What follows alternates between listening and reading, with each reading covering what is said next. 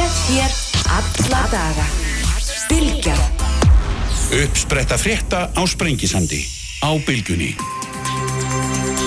Sæli hlustendur, þá höldum við að stað hér á Sprengisandinum í dag. Það er síðast dagur janúar mánuða 31. Um, Áskar Brynja Torvarsson, hagfræðingu, verður hér í lokþáttarins. Þau verða hér uh, Kristún Heimstóttir og Björningi Rapsson. Við ætlum að fjalla þessum þessi ótíðindi í pólitíkinni, varðandi, uh, já, skota ára sér á stjórnmálflokka og ekki síður á bílborgastjóran sem alltaf greiðal alvarlegt eins og allir vita og, og hérna, þessa samfélagsumræði sem að menn telja nú svona kannski að sé einhvern veginn kveikjana þessu öllu. Þessar ráng hérna, fæslur allar sem er í gangi og menn þekkja nú bæði hérlendis og eða hérlendum og erlendu vettvangi og svo má segja. Þau, þær verða hérna líka Ingun Kró og Helga Þjóð Bjarnadóttir. Þær eru stjórnamenn í Votlendi-sjóði við ætlum að fjalla um endurhend Votlendis og, og svona mikilvægi þess í, í lofslagsmálum en sestur í hjá mér Guðlúður Þór Þórðarsson utanrikkisráþara, ætlum að byrja hérna saman. Blessaður sæl og velkomin Já, takk, takk. Sko hérna, það er ekki hægt annað þegar maður er með stjórnmálamann en aðeins að ræða þessa þessa skotar og svo borgarstjóran mm -hmm. og ég var nú bara svona eitthvað að googla og, og hérna sem að gerir og þá sá ég nú strax að það nú bara á síðast ári sem að þér bara lífláts hótun út af orkupakkanum. Mm -hmm. uh, og hérna og það var kannað sérstaklega -hmm. eftir að það hefði Uh, komist að stað sagum að þú myndir hérna, hagnast ógulega því að við myndum samþykja þetta. Uh, og hérna, ég veit ekki kannski eftir orðin moldríkur, ég, ég þekki það ekki en, en hérna, hvað hva, segði mér aðeins frá því, hvernig svona, hvað gerði svo? Já, það er, já, nei, nei, hérna var þetta hagnað en það var hann ekkert í stað, menn færðu virkun nokkuð langt, sko, og sett hann inn á, á skórættajör sem að, að þarna fjölskyldan á. Já En, eh, og það var einu, náttúrulega allt einhver, einhver della. En uh, það sem gerist er bara þetta og það er alltaf rálagt þegar þú færð slíkar hótanir að uh, þú uh, tilkynna til lauruglu og þeir sé að minna það bara með sínum hætti sem ég kann ekki veit, veit ekki nákvæmlega hvernig er.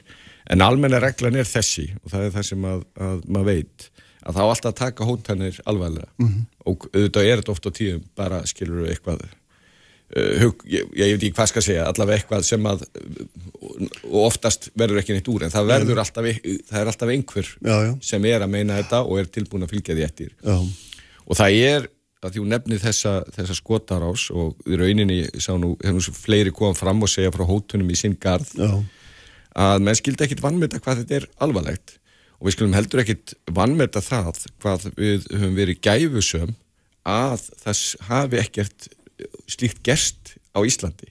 Við höfum séð þetta í nákvæmlandunum þegar ég fyrir svíþjóðar uh, og þá fæ ég engan afslátt á því frekar næður ráþeirar að það er lífverðu með mér allan daginn. Mm.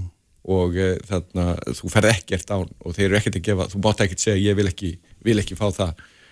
Og uh, það að við séum búum í landi sem að framtíðast og vonundum alla framtíð sé þannig að við kunum tekist harkalega á án þess að það verði og persónlegt uh, án þess að það verði þannig að, að sé reynlega verið að hóta fólki í talangum sem þessu tilfelli að skjóta með bannvæðinu fólk með vopni á bíl e, þó að það sé mannlaus að e, það að við höfum verið laus við þetta eru, e, eru mikil forreitindi og, það, og við verðum að gera allt og þetta er ekkert eitthvað einn maður við þurfum bara að huga því hvernig getum við til þess að þetta verði svona um alla framtíð. Mm -hmm. Við viljum ekki hafa þetta öðru í sig. Nei, en það sem að gerist í þessu lífláttshóðunum tilvikið þínu er náttúrulega að það kom, kemur að stað þessi fréttum mm. að, hérna, sem sjálfur sér ekkit ósvipuð. Mm. Þeim hugmyndum um borgarstjórin hafi hagnast eitthvað sérstaklega að kaupa einhver bílastæði þó þetta sé alltaf um skala náttúrulega en mm. það, er, mm. það er einhver hugmyndum það að stjórnmálamæður sé að krækja sér í fjármunni sem hann á ekki að hafa aðgangað mm. og það er mjög auðvilt að dreifa svona sögum og það er mjög auðvilt að hafa fólk til þess að æsa sig mjög mikið yfir þessu kom eitthvað út úr þessar rannsók, fannst einhvern tíman Já, já, það var já. samband við, við uh, þessa, þá og þessa aðila sem að, að þetta gerðu. Og, uh, og uh, já, en það sem hún nefnir í því tilfelli að þá var sett bara saga á stað sem að var, og ég kann ekki að segja hvernig það er best að gera það, en mm. hún fór eins og eldur um sínu og síðan þurfti maður að hlaupa til strax og reyna að leiðir þetta, var alltaf fullkomið þvægla algjörlega frá aðtilu en það breyti því ekki að þegar að svona fer á stað að eh, jafnveg þó ef það gengur vel að þá svona 80% af þeim sem sá þetta mm -hmm. uh, sjá sér leðrættinguna ef allt gengur vel sko. mm -hmm. en uh, eftir stendur 20% en ég segi það er 80 og þetta er eitthvað svona sem bara tilfinning sem ég hef oh. en uh, það er ekkert sjálfgefið að fólk fái leiðréttinguna eða, eða skilja út á hvað máli gengur mm -hmm. Og því áreiti er náttúrulega svo gríðarlega mikið og það er auðvelt að koma þessum hlutum á stað.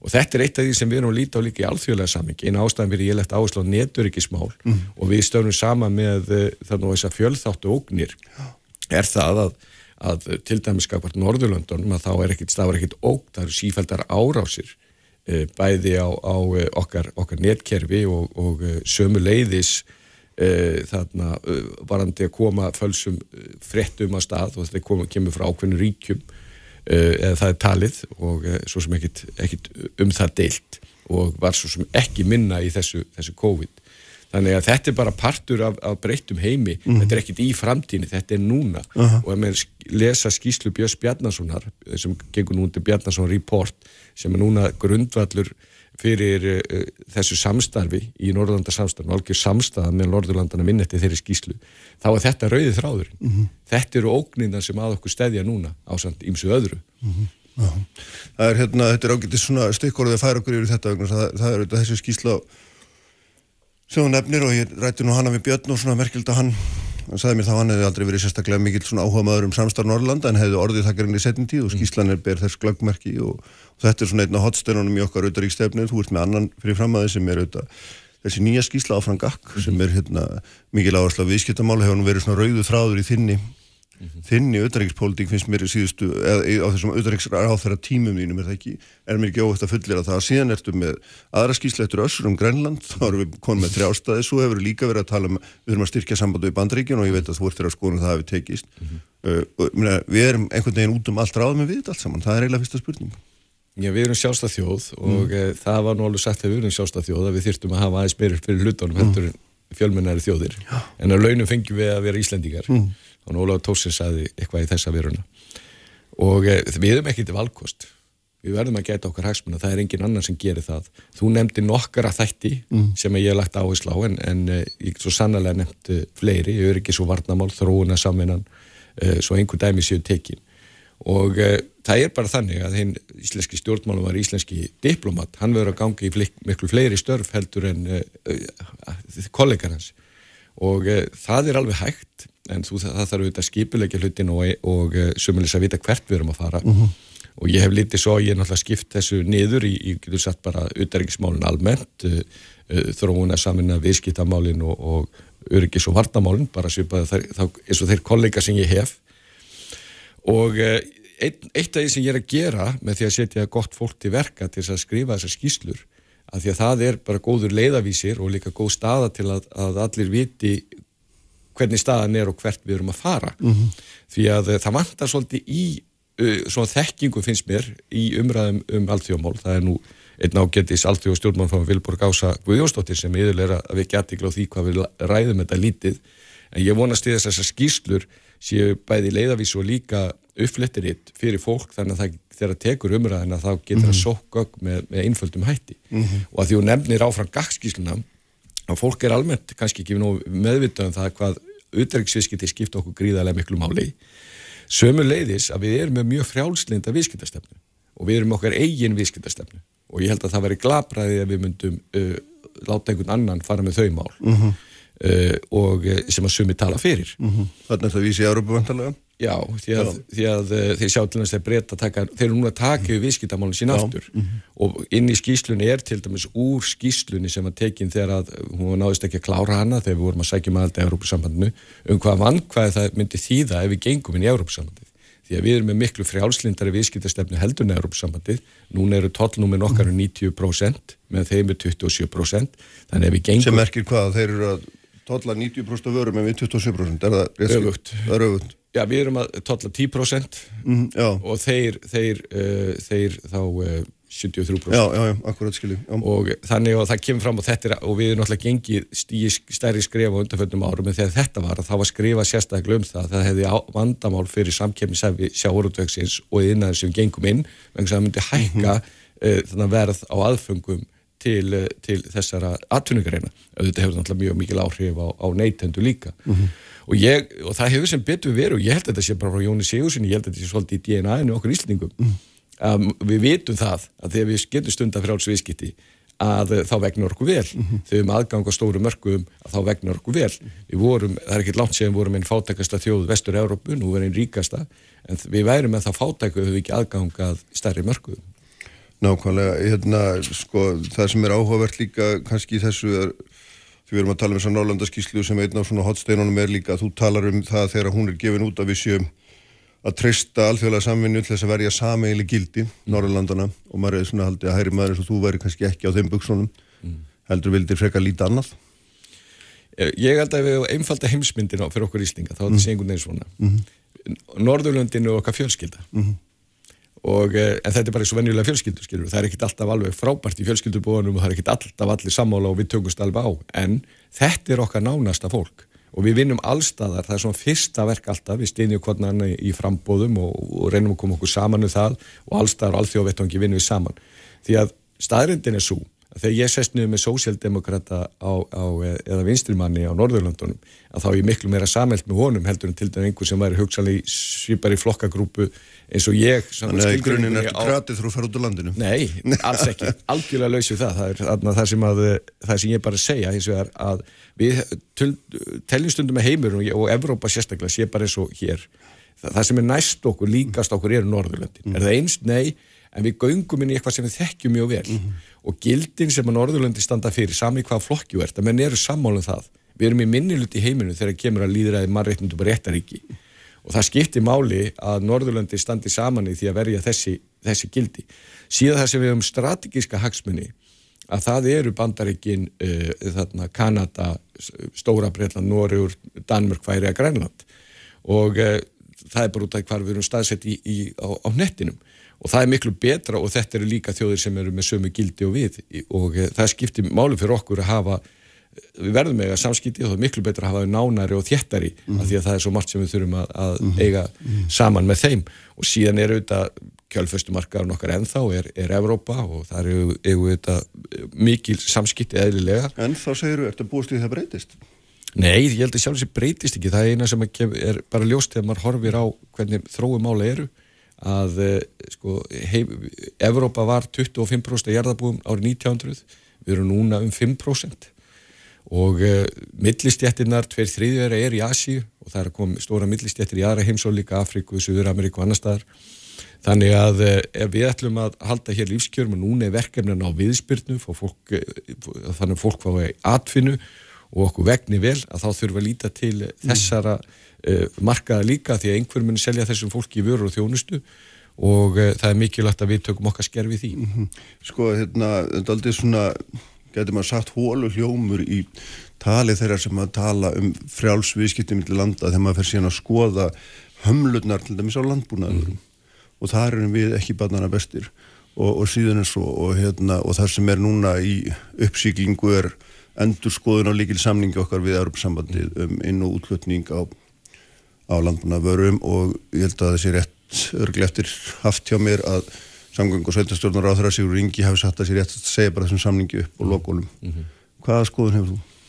Ef þú segir að við séum ekki barna best þá er nú alveg tælhýðar þeim peningi. Það yeah. má fara rauk fyrir því að við séum barna best. Aha, okay. Vegna þess að uh, sko almenna reglan er svo að nálgu, nálgu landa í viðskiptastefni þessi að því það er allir að verja sín landbúna nokkurn veginn, alla þjóður sem við berum okkur sama við að þeir segja, heyrðu, við verum að hafa, hafa totla á hrískrónum því, því að eh, við framlegum karteflur og annarkvort borða fólk hrískrónir mm, mm. hrískrón eða, eða, eða karteflur við höfum mm. aldrei verið þarna, allavega mjög langt síðan þannig að við erum bara að venda mjög lítið þar sem snýrað okkar í íslensku framlegin. En venda það þó kröftulega?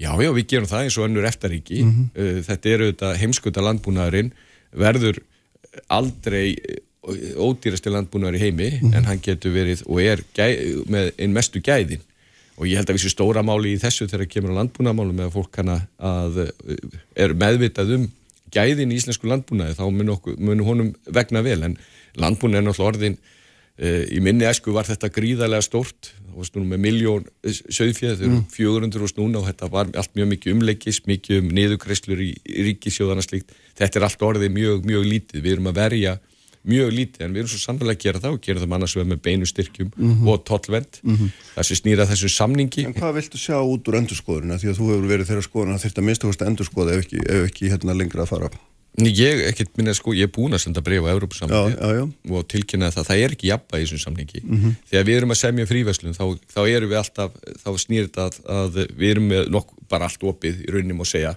nema það er að kemur þessum hefbundum landbúinargreinum og það eru þetta sótt á þær e, í öllum samlingum þessi samlingur er ekki partur af ES heldur bara að gerðu sér samlingur og það var ákveðin svo að sérsta að mannalega taka með til til þess að hvað við erum litlir það er sem ennur ekki að fara fram á kíló og mútið kíló vegna þess mm. að við erum svo fá en, en í þessu tilfelli var það og e, þegar maður fóru á staði þennan þessar samlinga það var auðvitað hugmyndir svo að flýta út mjög mikið að skýri nú e, síðan e, sömdum við mislega danna og gera langasjústut að þá eru við ekki að nýta neitt þessa tollana inn á, á ESB-markaðin mm -hmm. það er aðeins í, í lambakjötinu og það er þá fyrst og náttúrulega Breitland sem búið að fara út En síðan ekki eins og þannig að það er sveianleiki að, að því að við erum að framleiða eftir, skýr eftir íslensku uppskritt í Evrópu, það er ekki eins og sveianleiki þannig að það sé þá tollfrælsi fyrir mjölkuduftið við getum þá nota það í framleiðsluna þar. Mm -hmm.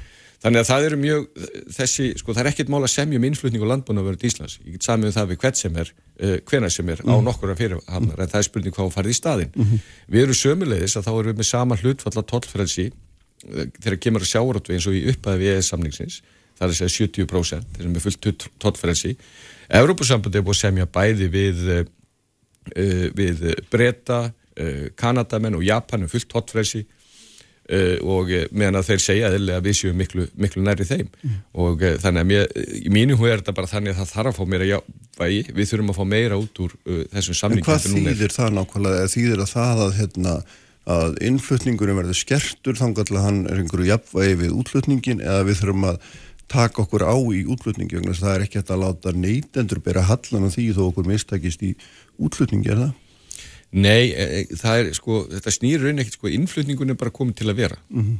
við getum ekkert, og höfum það alveg á hreinu ef mennir einhverju tala um það bara loka fyrir innflutning þá bara, til dæmis við vonum það að ferðarmennska fara aftur á staðin þó það verð ekki að bara þess eitt gámur á nautalundum að það eru 5.300 gripir. Minna þessi 20.000 eitthvað eitthva slíkt á Íslandi sem eru, mm. eru rektaðir í dag. Ég meina við getum ekkert slefti að vera með innflutning á þessum gilland hefbundu landbúnaðurum við gerum þá kröfu, eðlulegu kröfu þegar kemur að ostaúrvalis og eitthvað sér dæmi. Mm. það, það, það snýst ekkert um það. Þetta snýst um að geta okkar hagsmun og spurning hvað við fáum, fáum á, á, í, í staðin en ég ætla sjálfs ekki að fara að semja við sjálfa mig hér Þannig að... Það var þetta mjög áhuga. Já, já, það, það held ég, ég sé ekki gott, en stóra einstakamálið, allir sem sjá þessu tún sjá, það er ekki jafnvægi í þessu uh, og... Veit, en jafnvægi getur maður náð með tönum hætti, annars við að fara upp og niður. Hva, hvert er markmið okkar? Ég mark, markmið okkar einfallega að uh, fá meira át úr þessum samlingi. Mm. Höfum við ekki staðið okkur nú vel á vaktinni gagvart þessum erfsvöndi? Nú, nú er þetta, hérna, gengum við EHS-samlingi, hvað var það, 92 mm. og þarna margt hefur breyst síðan þá. Höfum við haldið nú að vel á spöðunum? Ég held að veri, og þess vegna var nú farið í, í meðlansi skýslu Björn Bjarnasonar mm. sem hann stýriði, góðu starfsópu þannig að manneskja einmitt í þeim starfsópi sem að Kristrún Heimistóttir sem að koma enn tegin og eftir. Mm. mann mjög góða, góða skýslu uh, það var til að skerpa á þessum áherslu en ekki bara til að skerpa á, held til dæmis að manna þær stöður uh, í ráðuneytum að því að þetta tengist mjög mörgu. Þannig að núna er við, ég held að vera óskinsalegt að eh, taka það út úr Brussel mm -hmm. að eh, það séu fulltrúar í hverju ráðandi fyrir sig sem er að fylgjast með sérstaklega gerðum á fyrstu stegum þegar við getum haft áhrif mm -hmm. það var tekið út það var í minni tíð sem var sett aftur mm -hmm. Mér... Við erum búin að fjölga starfsmunum í Brussel Já, við hefum gert já, það já. það er bara þannig já. og uh, vegna þess að hér er svo gríðalir hagsmundir við höfum, sex, við höfum aðgang á 600 vinnuhópum mhm og það þurfur þetta að forgansaða því að við getum sendt hverja sem er það þurfur að gera fulltrúar úr, úr ráðunitum en við verðum að vera vakandi fyrir okkar hagsmunum. Það er engin annar sem gerir það fyrir okkur. Mm -hmm. og þegar við erum þessu samstæri þá þurfum við að gera það. Ég skal ekki að koma mér óvart að þegar ég tók upp og ég tók mér um fyrstu dögum bara varðandi tórfrelsið á sjáarafri sömulegs fór ég að vinna í þessu varðandi tórlarsamningin eh, fyrir löngu síðan og tók þetta upp að það mér fannst þetta að koma viðmælundum mínum og óvart. Eh, það, og það hefur, ég man ekki eftir þessari umræða áður. Mm og það segir mér að, að við höfum geta gert betur. Ég hefði viljað frekar að, að þessi hluti væri lægi þannig ég geti syngt öðru. Mm -hmm. en síðan, svo geta verið ímsar ástæði fyrir því, aðalatir er bara þetta það gætir engin okkar hagsmunni en við sjálf. Mm -hmm. og það er ekki það að við njótum ekki velvildar, það er bara ekki þannig að fólk vakni á mótnana út í einu stóra heimi og byrja að hugsa um Ísland og íslenska hagsmunni við þurfum að halda utan um það. Mm -hmm. Eitt mál sem að kannski er einmitt hagsmunamál er, er hérna er samningu saminuð þjóðana eða samkómulega uh, vettvangi saminuð þjóðana um hérna bann við kjarnarkúa mm -hmm. við erum ekki aðlæra því og sem að kemur nokkuð óvart í ljósið þess að sannlega þrýfjóru íslningar hlindir mm. sem samkómulega og ég hugsa að allir það sé ekki miklu fleiri raun og veru að menn eru spurðir svona beint maður að mann hvers vegna erum við ekki með þessu? Við erum fylgjandi afvopnum mm -hmm en það er gagkvæmni afopnum mm -hmm. og uh, hún hefur gengið mjög vel ég held að Útilokar þetta það eða hvað?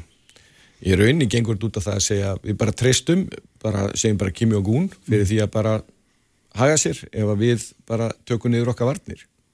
Það, um það snýst málið og ég held að þú myndir spyrja fólk um það hvort að maður er tilbúin í það þá held ég að menn, þú fengir ekki sömu niðurstöðu. Mm -hmm sko það er búið að fækka kjarnungum, ég manni hvort að ég held að það sé 90% þarna frá uh, dögum kaldastriðsins uh, og það er gert, var gert með uh, gagkvæmri afvopnun og sagan sínur okkar að það er besta leiðin mm -hmm. til þess að við halda friði Þannig að meðan að hann segir eða ekki í að næstu að hann segir nei þá erum við bara með, þá, þá er þetta afstáð okkar og hún byggir á þessu ég, ég sko stóra einstakka máli að þetta að ástæðan fyrir að við erum í allarsvarsbandalæðinu tvílega varnarsvæðin bandaríkina, mm. við erum svo allar að þjóður við höfum að öryggi okkar, okkar, okkar fólks og ég meina við þurfum ekki að fara látt aftur í söguna til að sína það hvað mm. hefur gerst þegar aðilar sem að, að og við sjáum það svo sannal í Evrópu að þegar að menn held eh, ekki aftur að, að ákveðinu þjóðarleitóðum að þá gengur þeir fram með, með slíkum hörmungum að, að annaði séu ekki sérst og við höfum sjá, sjáum líka hluti bara miklu nær í okkar, okkar sögu svona er heimurum, við búum í mann heimum mm -hmm. því miður er ekki, erum við ekki í hálsaskói mm -hmm.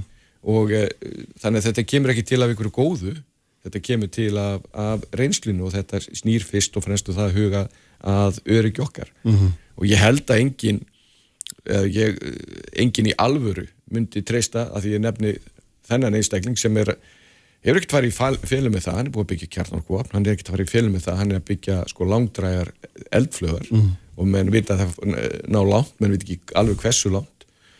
Og e, það er, menn vilja ekki eiga eitthvað undir aðeins og þessum, svo bara eitt mhm. dæmis í tekið, mm -hmm. en það er hægt að taka fleiri mm -hmm. Þannig að hérna með stórst á þinni tíð þá munum við ekki ekki fara aðra leiðin þá sem við erum að fara núna inn í NATO við erum, það, þá, maður lítur að skilta þá þannig að, að NATO er verið ákveðið þessa stefnu fyrir okkur Nei, eins og ég verða vikina, ég hvergir, eins og nefni, ég er í mjög miklu og maður lagt miklu áslá Norrlandarsamstæð mm -hmm. ég hef hert neitt að mínu kollegum nokkuð tíma að minnast á þetta það, og það eru lönd sem er ekkit inn í NATO mm -hmm. þetta er unni þannig að ég hef bara aldrei heyrt þessu umræðu ég er búin að vera á já, ég sé ekki 350 tvílega fundum mm. og uh, síðan öðrum fundum líka og þetta er aldrei komið upp þetta er alveg bara eina sem að heyrir er nákvæmlega hér -hmm á Íslandi, ég eins og fengi fulltrúa þessara samtaka á, á minn fundi í maður rétt en uh, sem að standa fyrir þessu en ég menna, þetta er ekkert flókið það eru, sko ef að menn eh, vilja uh, og ef menn trúa því að uh, það bara ef að við tökum niður varning hvort sem gafar þessu eða einhver öðru mm. og vonast til þess að, að þeir aðila sem að virða mannreitnandi fullkomlega vettu í sannlega ekkert réttaríki og líðfræði er bara eitthvað mjög, bara ekki, ekki umræðinni sko. Mm. Ef að mér vilja valdefla það fólk þá ég bara, ég bara trúi því ekki þegar mann hugsið allavega að það sé viljin mm -hmm. og e, því miður, sko ég vildi bara að við myndum búa í þeim heimi að við bara, hann væri bara allt öðru í sig hvað þetta er varðað, það væri bara miklu betra. En það er ekkert því miður sem bendur mm -hmm. til þess. -hmm og þegar við náðum árangri að taka niður og þegar við náðum árangri að afvopna að þá er gert það með gagværi af, afvopna mm -hmm. og við náðum mjög mikil, miklum árangri hvað það var Hérna áðurinn ég vil aðeins að tala við um innanriksmálin eða innanlandsmál líka örstuðt hérna eftir en, en rétt svona í, í lokin á þessu sko hérna við erum í miðju COVID og, og miðju, svona vonað sér ekki mitt vonað sér langt komið þarna eh, en þetta er auðvitað gríðarlega breyting á öllum okkar högum og þar með talið ekki síst náttúrulega útflutningi og innflutningi og öllum okkur auðvitað ekki sviðskiptum og svona. Og ég meina hvernig svona við erum að horfa örglega framann í mjög breyttan heim hvernig er það að undirbúa okkur undir þetta og, og skoða þetta? Við erum eiginlega að undirbúa okkur frá fyrsta degi þegar mm. kemur auðvitað ekki sviðskiptum við breytum lögunum í Íslandsstofu, við breytt fyrirkomulegini í utæriksraðunendinu og þar vorum við aðra skýslu utæriksstjónustu til framtíðar til þess að gera hvað við getum til að vinna með atvinnlífum til að styrkja íslenskan útflutning mm -hmm.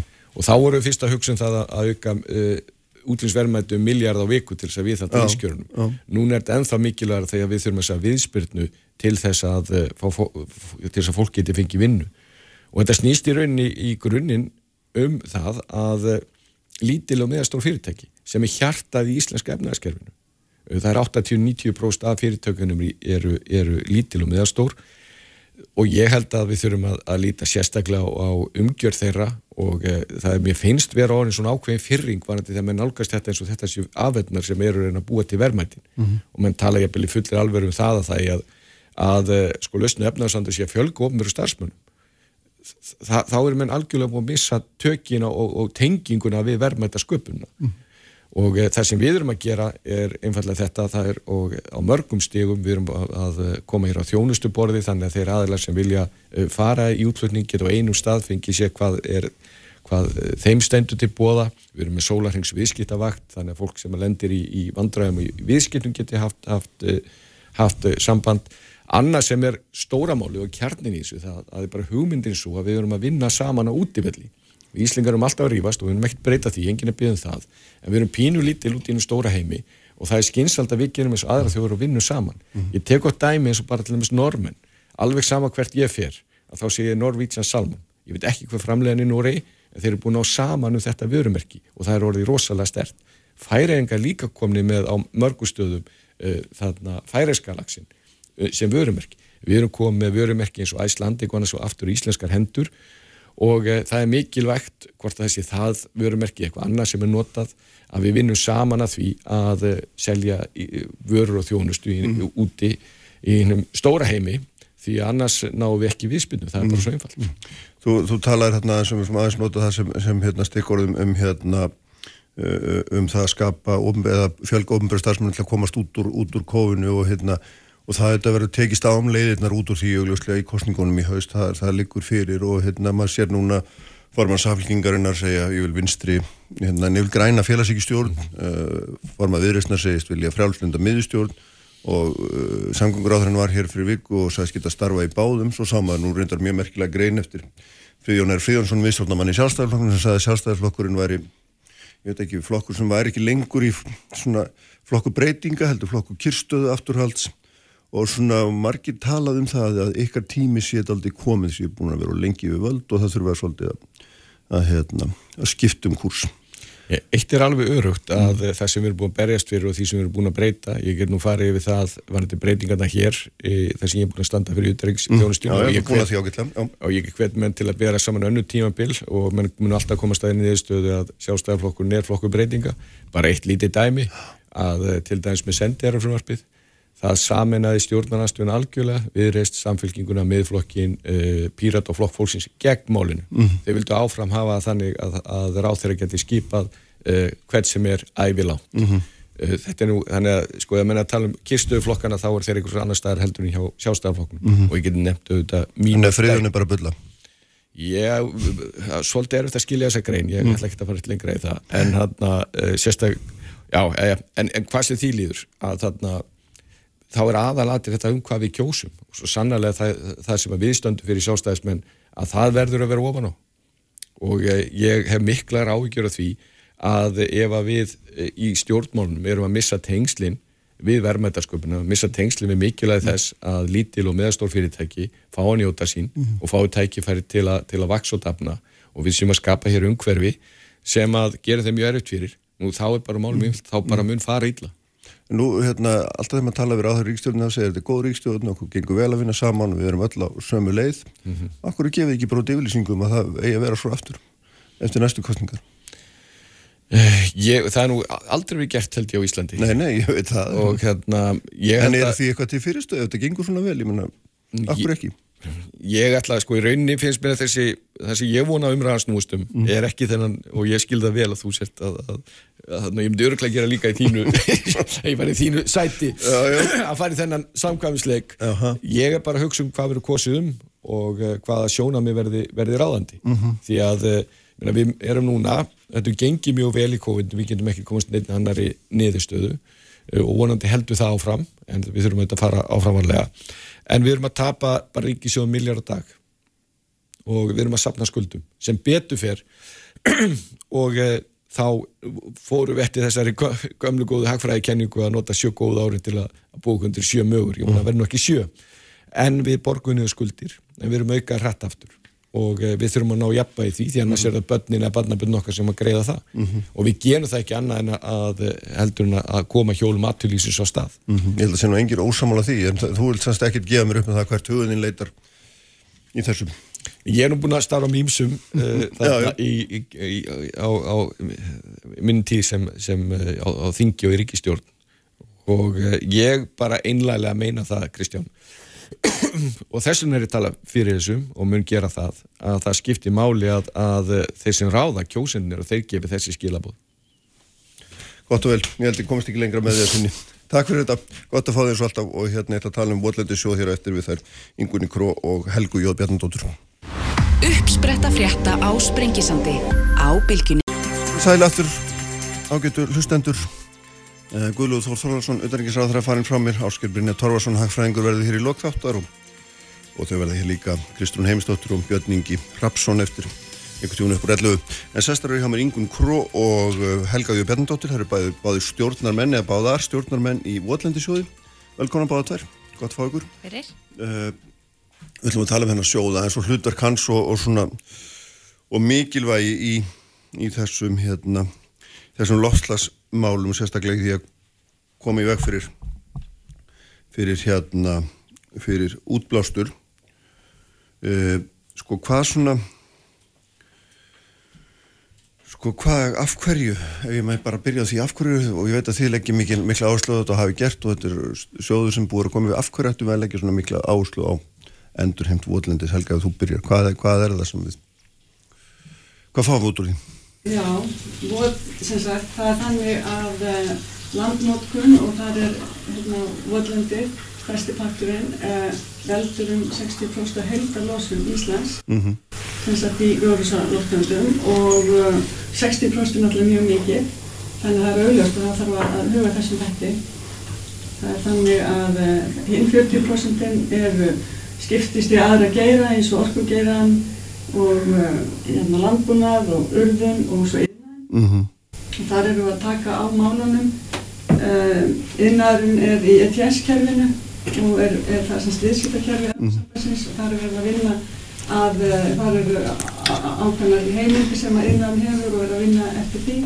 Síðan er Ísland með á eigin ábyrg að og uh, hérna en síðan er þessi þáttur landnótkunin sem er bara mm. svona rosalega stór og er ekki innan parsasamkónlasins en, en er mjög mikilvægur í heldarsamhenginu mm. vegna þess að það er raunin einu svona þannig að lofthjúburinn hann veitir raunin ekkit hvaðan losaði kemur að, og er hún ekki bara slett saman hún er líka? bara alveg sama Já. hún er alveg sama hvort það kemur yðnaði, sjáuröldegi mm. eða einhver öðru mm -hmm. eða hvort það kemur vegna þess að við hefum einhvern tíman framræst Votlendi þannig að, þannig að þannig að ef við erum að hugsa um þetta í svona heildarsamhengi mm. þá breytir það engu hvort við förum fyrst í orkuskipti í samgöngum eða í landgómtunum, það, það breytir engi heildamindinu, það er bara aðladrið að ná sem mestum árangur sem styrstum tíma og þá er þetta skjótvirkasta leiðin, er er það ekki rétt skilit? Já, nákvæmlega, vegna þess að þetta, þetta er tiltúlega auðveld leið, mm -hmm. ef við horfum á þannig, hún er tiltúlega skilvirk og hún virkar strax, þar að segja leið og þú ferða móku ofan í skurðina þá stöðvaru losun. Mm -hmm. Þetta sést ekki bindingaleið, heldur er þetta leið þar sem þú stöðvar losun uh -huh. sem er þegar í gangi. Já. Það er mjög mikilvægt að gera sér grein fyrir því. Já. Já. Já. Sko ég er alltaf mjög mikið fyrir að hérna, tala í svona krakkafréttastíl. að hérna, ef þú til dæmis myndir lí líka sér sama við bara fyrstu hjálp, ef þú ert með einhverja slasa manneskjöð sem mm. blæðir úr, hérna viltu þá ekki byrja á því að stöðva blæðinguna mm áður nú þurkar blóðið? Afsakið eftir og hérna brútal en hérna það er einmitt líka svo stór kostur við hérna, þessa aðgerð mm er að hún stöðva strax hérna losun sem eigað sér stað. Já, nú verður þetta verið í umræðinu einhvern tíma og það búið stofnaðin að sjóð fyrir þó nokkur hvernig gengur framkvæmdina þessu, hvernig miðar ykkur að, að, hérna, að ná áhrifum á þessu sviði Sko það er náttúrulega alltaf í upphafið þú ert að byrja með eitthvað, mm. þá þarftu fyrst náttúrulega að ná sko eirum fólks og, og útskjara hvernig það virkar og allt svo leiðis og veist, það eru víða aðalskipulög sem að hérna eru svona, svona fjallum það að e, að það er að halda í landbúnaðan á jörðum sem maður skilur alveg, þú veist að það er bara sett hérna þar bara setningar koma inn þegar það út frá þeirri vittneskju sem er á þeim tíma sko. mm -hmm. veist, þannig, en þetta er alltaf smerjast og, hérna, og sveitafjörlegin er orðin miklu meðvitaðri heldur en þeim voru og þetta er orðin svona smörðara ferli sko. þannig að veist, við erum að hugsa um að, að, hérna, að auka afkostin bara í veldisvís við, okkur, við erum óþálum og við helga og okkur finnst aldrei neitt nógu mikið eða rætt gert sko, nei, í þessum málum hvað er það sem þarf að breytast til þess að þetta geti gengið hraðar? Vandar landið eða er það landeigatundir sem eru vandarinn eða er það skipulæð eða er það, er það skilningurinn á viðfangsefninu?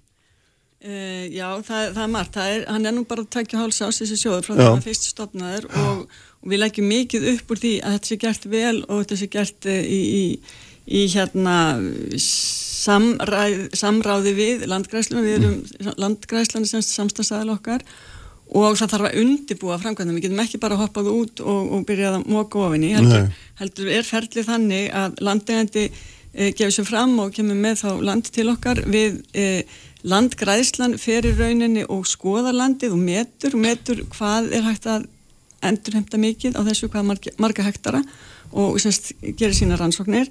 Síðan er hægt að fara þegar veður leifir og á réttum tíma, ekki þegar það er varptími eða þess að þá er hægt að fara út og móka yfir og síðan mm. þarf að fylgjast með líka hvort það hafi tiltekist og, uh, og hérna þetta er, þetta er svona ferli sem tekur þá allavega ár fyrir hvert land að komast mm. í gegn og við erum búin að uh, ná 203 hekturum nú þegar og við gerum samninga til 8 ára við landinanduna um að halda þá landinu í þessu horfi að, að vera endurheimt mm.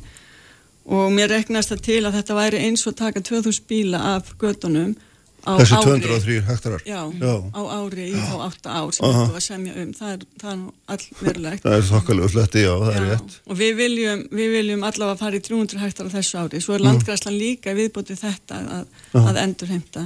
Mm. Þannig, að, þannig að nú er þetta eins og, eins og yngun segir, það er mjög mikilvægt að, að kortleggja svolítið landið mm -hmm. og, og skoða hvar hendar þessi aðferð og hvar, og hvar á að nota landi til landbúnaðar mm -hmm. sem við þurfum að sjálfsög líka gera til þess að framlega fæði og annað en, en hérna það er nóg til að landi og þetta Það er nóg til að landbúnaðar landi sem er ekki verið að nýtundi landbúnaðar með öðrum vonum er það ekki Jú, það er nákvæmlega En hvernig, hvernig er þetta fjármagna? Ég meina hver, hver borgar þetta? Því eitthvað kostar þetta að gera þetta og hérna, rannsaka þetta og, og, og fylgjast með þessu og hérna fyrir utan framkvæmdina sjálfa Ég meina hvernig hver á að borga? Er það ríkið eða við sjálf eða hvernig eftir öðrum leiðum? Já, sko, Vólindisjóðurinn er bara sjálfsegnarstofnun mm. sem er sérst, ekki reikin í hagnaðskinni, heldur bara einungis með þetta hlutverk þannig, og, og við erum þannig fjármagnuð bara af sérst, hérna, samfélagslega ábyrgum einstaklingum og fyrirtækjum mm.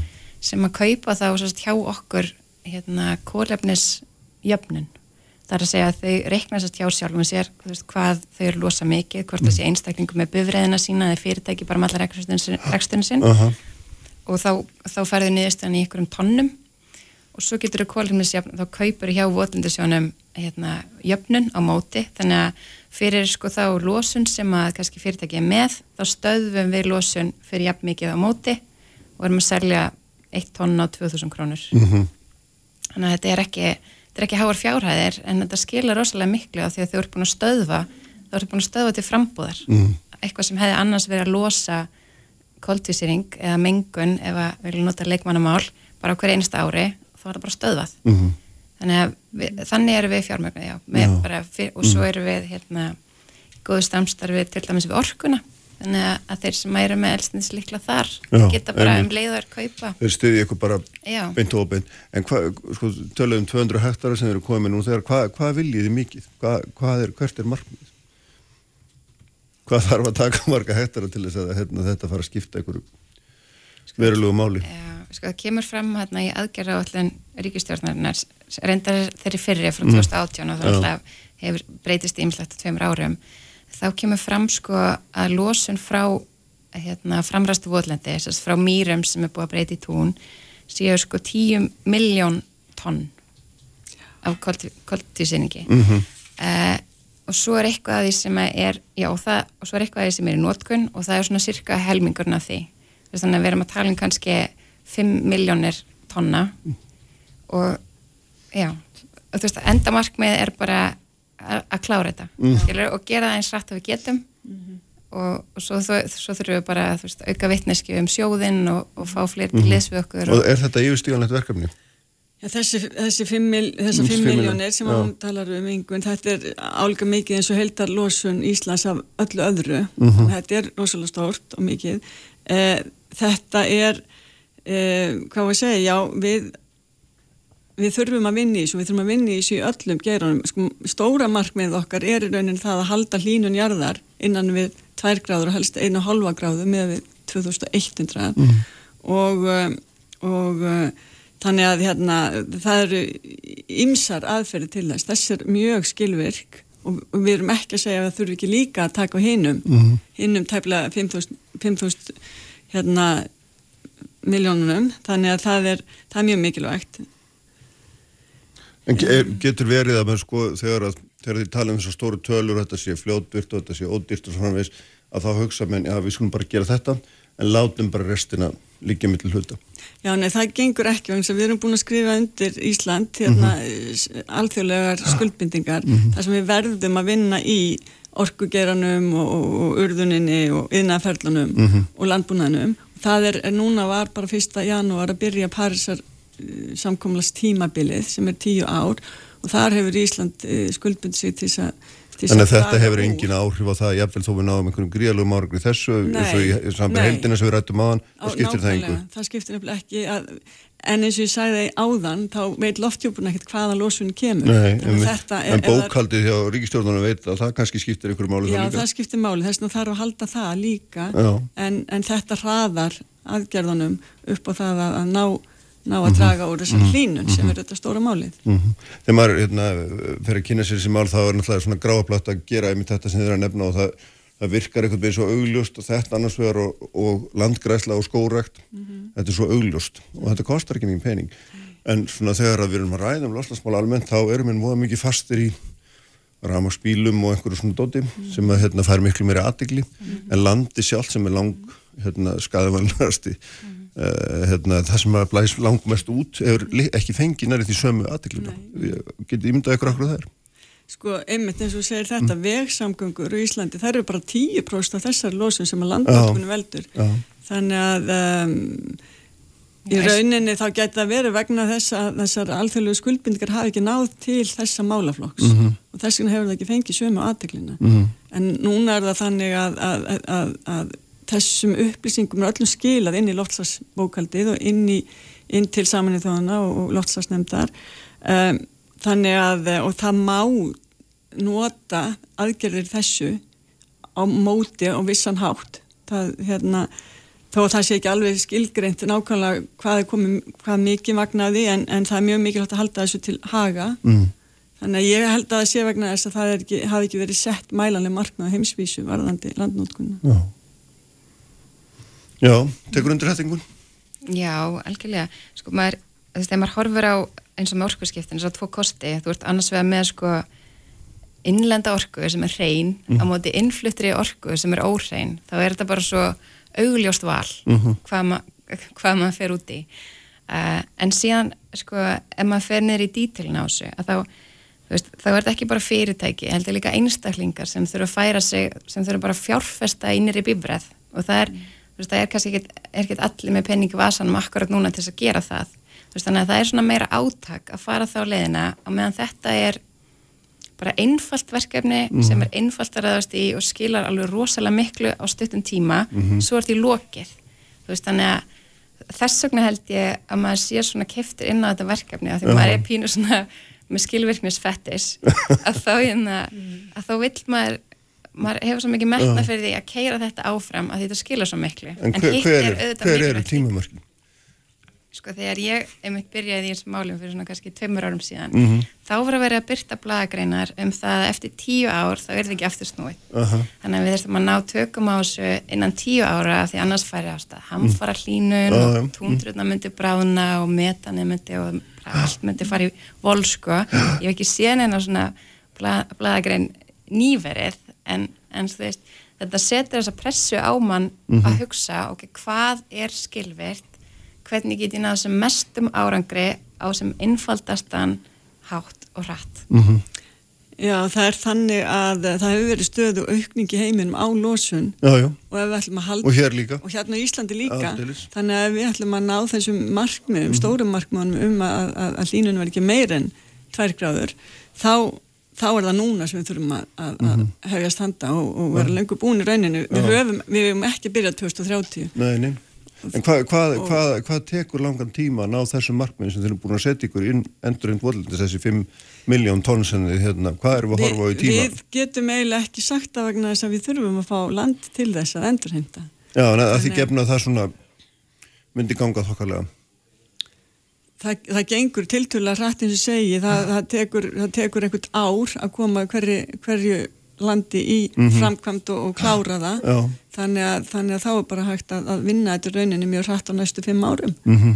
ef að það fengist land í það. Já, Hvað, Eitt líka í þessu sem að hérna, mér finnst bara ég vil ítrykka er að þú veist við erum samt ekki að hérna við erum að byrja á því að vinna með land sem er ekki nótkunn mm. þannig að veist, þetta er eitthvað sem ætti ekki þannig sé að skaða neitt en það er eitt líka í umræðinu sem ég langar að, að hérna, bara aðeins að vekja aðtikli á er að það myndir hryggja mig ótrúlega mikið ef við færum hérna út og fólk, hérna samt velmeinandi fólk mm. færa bölsóttast út í bændasemfélagið uh -huh. að því að sko þegar þessir skurðir voru grafnir upp úr 1950 eða svo, uh. þá var ekkit sama vittneskan um sko afleðingarnar Veni. og landegendur fengu líka bara greitt fyrir að grafa skurðina mm -hmm. þannig að sko að þú veist það er ekki einhvern veginn hægt að dæma neitt af því sem var gert áður fyrir út frá þeirri, nema bara út frá þeirri vittnesku sem var þá til staðar mm -hmm. og síðan hérna, þú veist, bændasamfélagi kannski er ekki auðmannastjætt, skiljiði þannig að þeir eru ekkert auðvendlega stökkuða út í einhverjar framkvæmdir hérna, þú veist, þótt að þessi vitað af kannski hérna, hvað leiðir af þessu. Nei, svona bara með óljós einhver heimsmarkmið í huga. Í, já, en, en sko þess vegna erum við hérna til þess að búa til þessa leið, til þess að fara í mhm. þessa framkvæmd, af því að við kostum þá framkvæmdina og, og hérna, og þú veist, og fáum á móti fjárframlög hjá fyrirtækjum sem er þá kóluminsjafnasi hjá okkur og svo um leið og, og hérna, og við erum búin að fá fjármunina tilbaka fyrir framkvæmdini, að þá fer landið tilbaka til landegandans. Þannig að við erum svona millilegir en svo náttúrulega ef að landiðandi vil fara sjálfur í þessa framkvæmt mm. og bara greiða fyrir hana mm. og þú veist, mögulega að selja sjálfur hérna kólinistrann sinn að þá er það bara, þú veist, eina markmið okkar er bara að þetta gerist, mm -hmm. þú veist, sama hvað aðferðið fari, fari eða þú veist, hvað leiði farin, bara lengi sem aðferðin sé rétt og þetta sé mm. verkefni En landiðandi ber fyrst engar kostna þessu annan en bara að lætu landið sitt undir þetta sem hann er ekki að nýta öðru leiti Já. en öðru leiti ber hann engan Hallaða þessu? Nei, nei. Greiðir ekkert fyrir og, og, og þetta þarf ekki að greiða neitt? Nei, það er raunin sá sem losa sem að, sem að borgar þá fyrir já. þessa aðgerð. Fyrirtækin. Þannig já, okkur vantar fleiri lönd og okkur já. vantar fleiri sem er að hérna kólefnisjafna sig til þess að stekka verkefni þannig að við getum unnið þetta hraðar. Svo má ekki gleyma því að, að þessi aðgerð er ekki bara loftslasaðgerð, heldur verður þá endur heimta vist kerfi og það er mjög, mjög góð áhrif á fjárbreytileika dýralífsins og og, og vassbúskap þannig að það er, það er margt í þessu annað. Já, einmitt, þannig að hérna, alþjóðar áratugur endur heimtar að vistkerfa þetta nú mjög hérna, stutt og því alltaf eins og flest í þessu samtali. Já, einmitt og hérna en það er alveg merkild Ólafur Arnalds hérna prósavartin daginn og hann var að segja það að það, sko, Ísland er sko nota sem dæmi um hrun vistkerfa yfirleitt í svona alþjóðar umræðum þetta. En þannig er nú aldrei sverka að vinna líka myndi ég halda að mm, algjörlega ja. svo líka hérna, þú veist, varðandi það að þá, þá er sjálfbærara að geima landið sem mýri út af því að sko þau eru búin að framræsa að þurrka upp mýrina og gera það landi þá þegar regnið fellur á, á hérna landið, þá skólast næringarefnin út í skurðina og út í sjó mm -hmm. en sem sko landiðandi vilti og væntalega halda sko jarðgæðinu þínum uppi þannig að ef þú geimir landið sem mýri að þá, þá missir það ekki þessi hérna, næringarefni mm -hmm. en svo í framtíðin ef við þurfum að nota landi undir eitthvað matalaframslu, þá getur við bara framræst aftur en mm -hmm. sem geimslu er betra að geima landið Já. í mýrarformi Já Það, það er þannig að þó þú hafi grafið skurðin fyrir einhverjum nokkrum tögum ára þá, og hann er djúpur, ef við segjum að þessi 30 metra djúpur, þá, þá er hann ennþá að, að losa, ef það er djúpur það er svona um 50 centimetrar á ári, neða á hérna 100 árum sem að eigðast í rauninni. Mm -hmm. þannig að þannig að það er þó að þó þetta sé langt síðan þá er ennþá þá, þá, þá getum við alveg losunin á fullu ennþá. Já, við getum já. alveg mókað ofan í gamla skurði og við erum alltaf að gera gagd en þetta er akkurat það sem landgræslan metur í hvert skipti þegar hún er að skoða landi Já, hún fyrir að við vorum að metu hversu, hversu er rannsóknir rannsóknir og hefur maður hægt það líka oft hérna það er ekki búið að rannsaka þetta nú, við vitum ekki hversu áhrifmikið þetta er og þeir sem að stiða þetta þeir mm -hmm. íkja tölurnar og hérna fullir að þetta, þetta sé, mm mm -hmm. sé skilverst og snögt en hérna hinn er draðið dífa. Já, það er þannig að e, Mittlaríkja nefndin í samanlega þjóðana fyrir lotslasamningin er búin að samþykja þessa aðferð og það hafa verið gefnir út alþjóðlega stuðlar og svo hefur Landbúnarháskólinn, Linur Óskarsson og fleiri rannsakað þetta tölvert hérna á Íslandi og okkar stuðlar, þeir stemma mjög vel við stuðlar sem er, við erum að sjá á Norðurlandunum til dæmis þannig að það er verið að vinna áfram og landgræslan hefur fengið líka aukið fjármagn núna í rannsóknir einmitt á þessu og þau eru að skoða nokkur svæði sem að hérna er fylst mjög grann með mm -hmm. Þannig að, þannig að eh, já það er það þarf að rannsaka meira en það er búið að rannsaka mikið mm -hmm. og mhm. þetta er staðfæst Þannig að það er hægt að fullir það að þetta sé góða aðfæst Já, það er algjörlega hægt að fullir það. En já. auðvitað skilum að það samt fólk sko þetta hljóman alltaf eins og við séum að selja ykkur að snákáli Skiljið, 60% hérna, mengunar Íslands og við ætlum að laga með þegar mókan í skörð Skiljið, þetta hljóman alltaf alltaf gott að það vera satt. En þú veist bara samaskapið, þú veist við viðkennum bara hérna, tré borða mengun innan gæsalappa. Mm -hmm. okkur finnst það alveg eðlilegt. Veist, á sama hátt er alveg vísindarlega búið að sanna þetta á bara færustu vísindamannum heims sem að vinna þarna fyrir milliríkja nefndina og búið að hérna, senda þessar staðlutum allan heim og fá aðtöða að senda þetta tilbaka og þetta er bara algjörlega viðkend aðferð. Mm -hmm. eh, hljómar of gótt þess að vera sönn en, en þetta er samt sko vísindi sem er bara búið að sína fram á. Mm -hmm og líka hérna heima með rannsóknum sko. Já, þetta er bara lífræn mold sem er að brotna niður þegar hún kemst í, í, í snertingu við súrefni það er bara lífræðilegt ferli mm -hmm. en fann, mér fannst það líka svolítið ótrúlega þessar tölur vegna þess að þegar þú bleitir síðan upp í landinu Já. þá losna líka hérna, þá losna metan og metan er mjög sterk gróðrisulóttur en, en, en, en mælingarna sína að það er bara miklu það hlutastlega miklu minna þannig að mm -hmm. nettolósunin er cirka 20 tonn á hvern hektara uh -huh. við þessa breytingu sem er eins og 10 bílar Já. þannig að ef þú miða kannski einn hektara er svona cirka fókbóltavellur uh -huh. þá er einn fókbóltavellur að losa eins og 10 nýjir bílar á hverju einasta ári Já, uh -huh. fólksbílar í agstri mhm. meðal Það er hérna eins og við segjum þá hérna, þegar þið farið svona með þetta þá er hérna, þá, þá blæsir þetta við Mm. Mm. Hérna, við komumst ekki lengra sinni. Takk ykkur báð fyrir að koma Helga og Ingun og hérna fyrir frólægt spjall. Og þau eru hérna hjá mér eftir Kristrún Heimistóttur og Björn Ingi Rapsson eftir ykkurna blikk Sprengisandur á bylgjunni. Réttir þjóðmál og pólitík. Sprengisandur á bylgjunni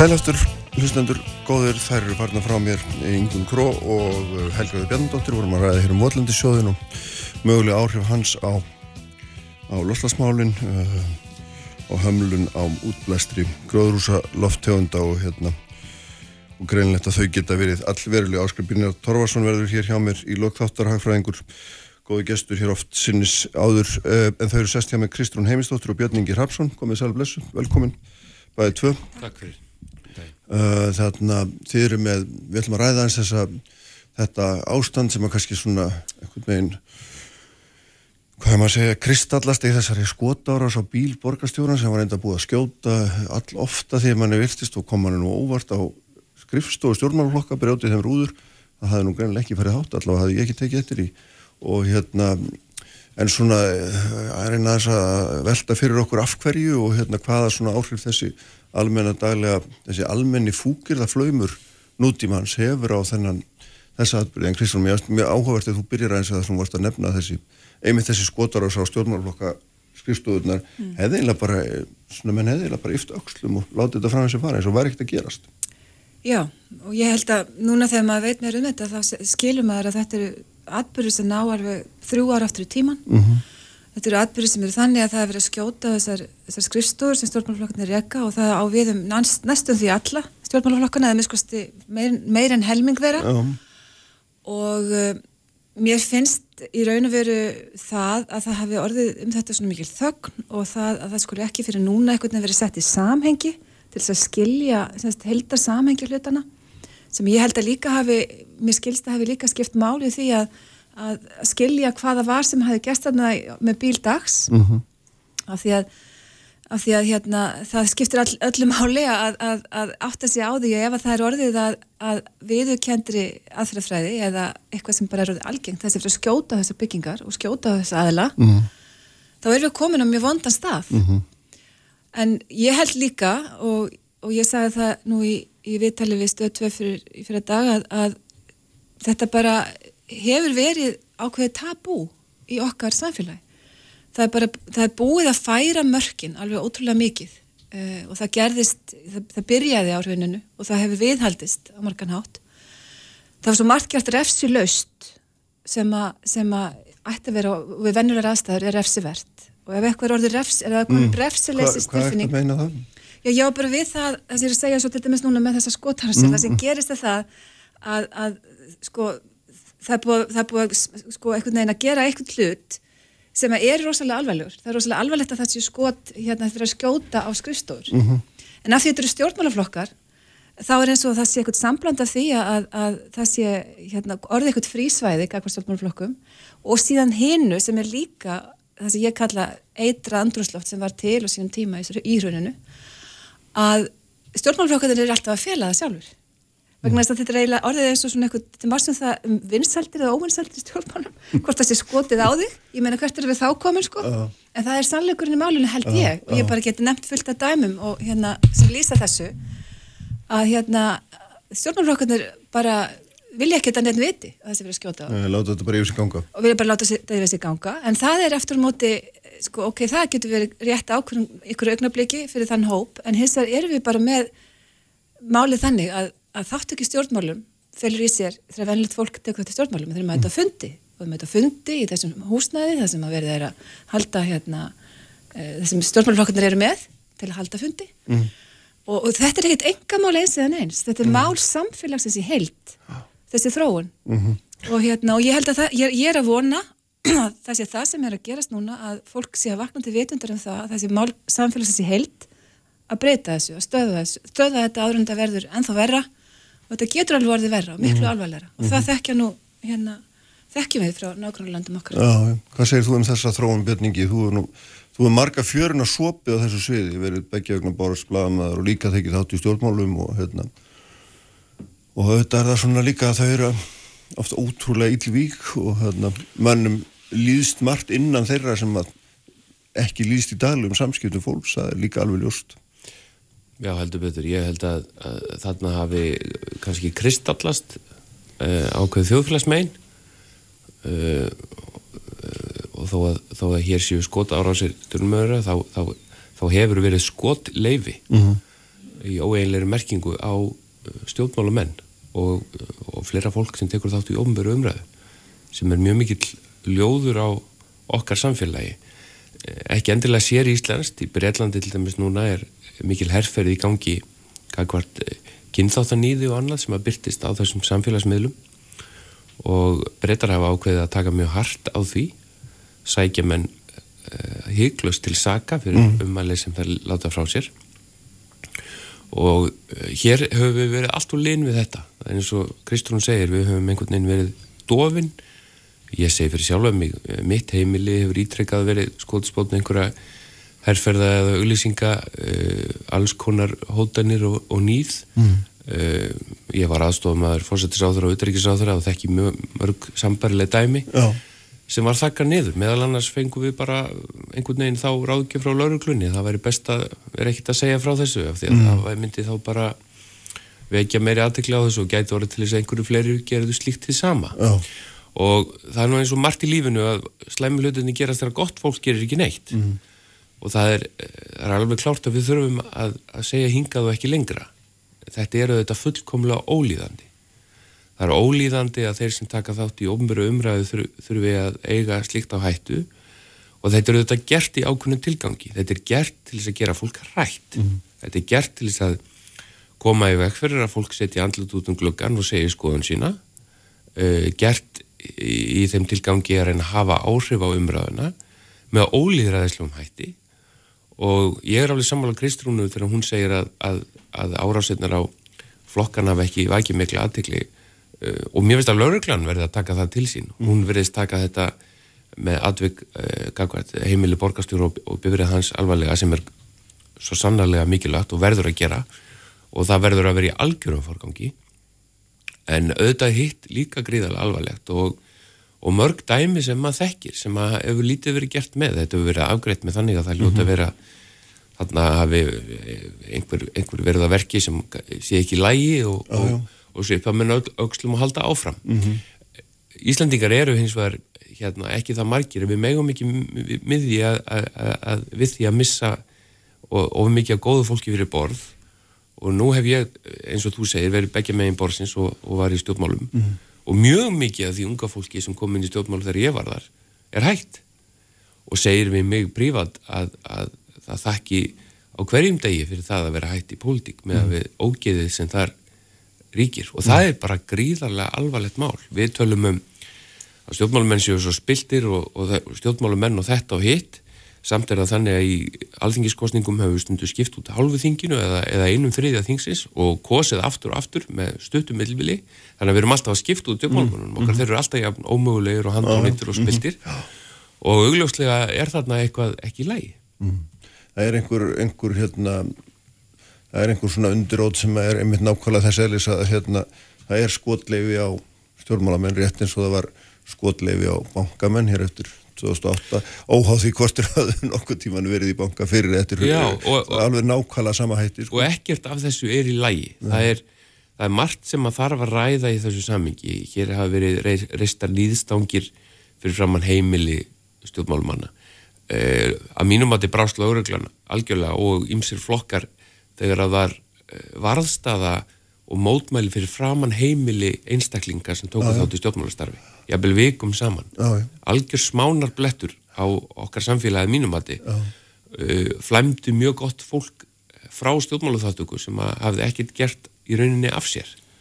Og þarna er einhvern veginn uh, verða svolítið eins og við erum upplifið í bandaríkjunum mm. núna. Það, það, það sem að fólk er að fólk sem hefur verið reitt í svo kallið virkir í aðtöðusemdir auðvitað aðeins bara lítið brot af því sem stendur einhvern veginn upp og hérna ætlar að láta til sín taka uh, ekki bara skrifa eitthvað heldur líka eins og, eins og, eins og þeir sem reyðust í bandarísika þing, þingið og, heldur einhvern veginn að þeir myndu bara taka það mm -hmm. og breyta úrslutin kostningana ef þeir myndu bara gera það mm -hmm.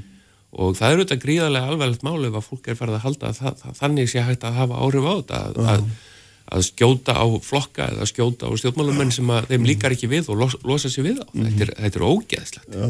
En er, er tengingin hann á milli þessara orðræðu, ef við getum kallað það, og þessar verknaðar, er því svona í ykkar, ég veit að það er ekki þetta að sanna það, en svona, myna, það myndi vera ykkar ádraslega þess að skoðan að það væri ótvírætt að tengslir að síðan hann á milli?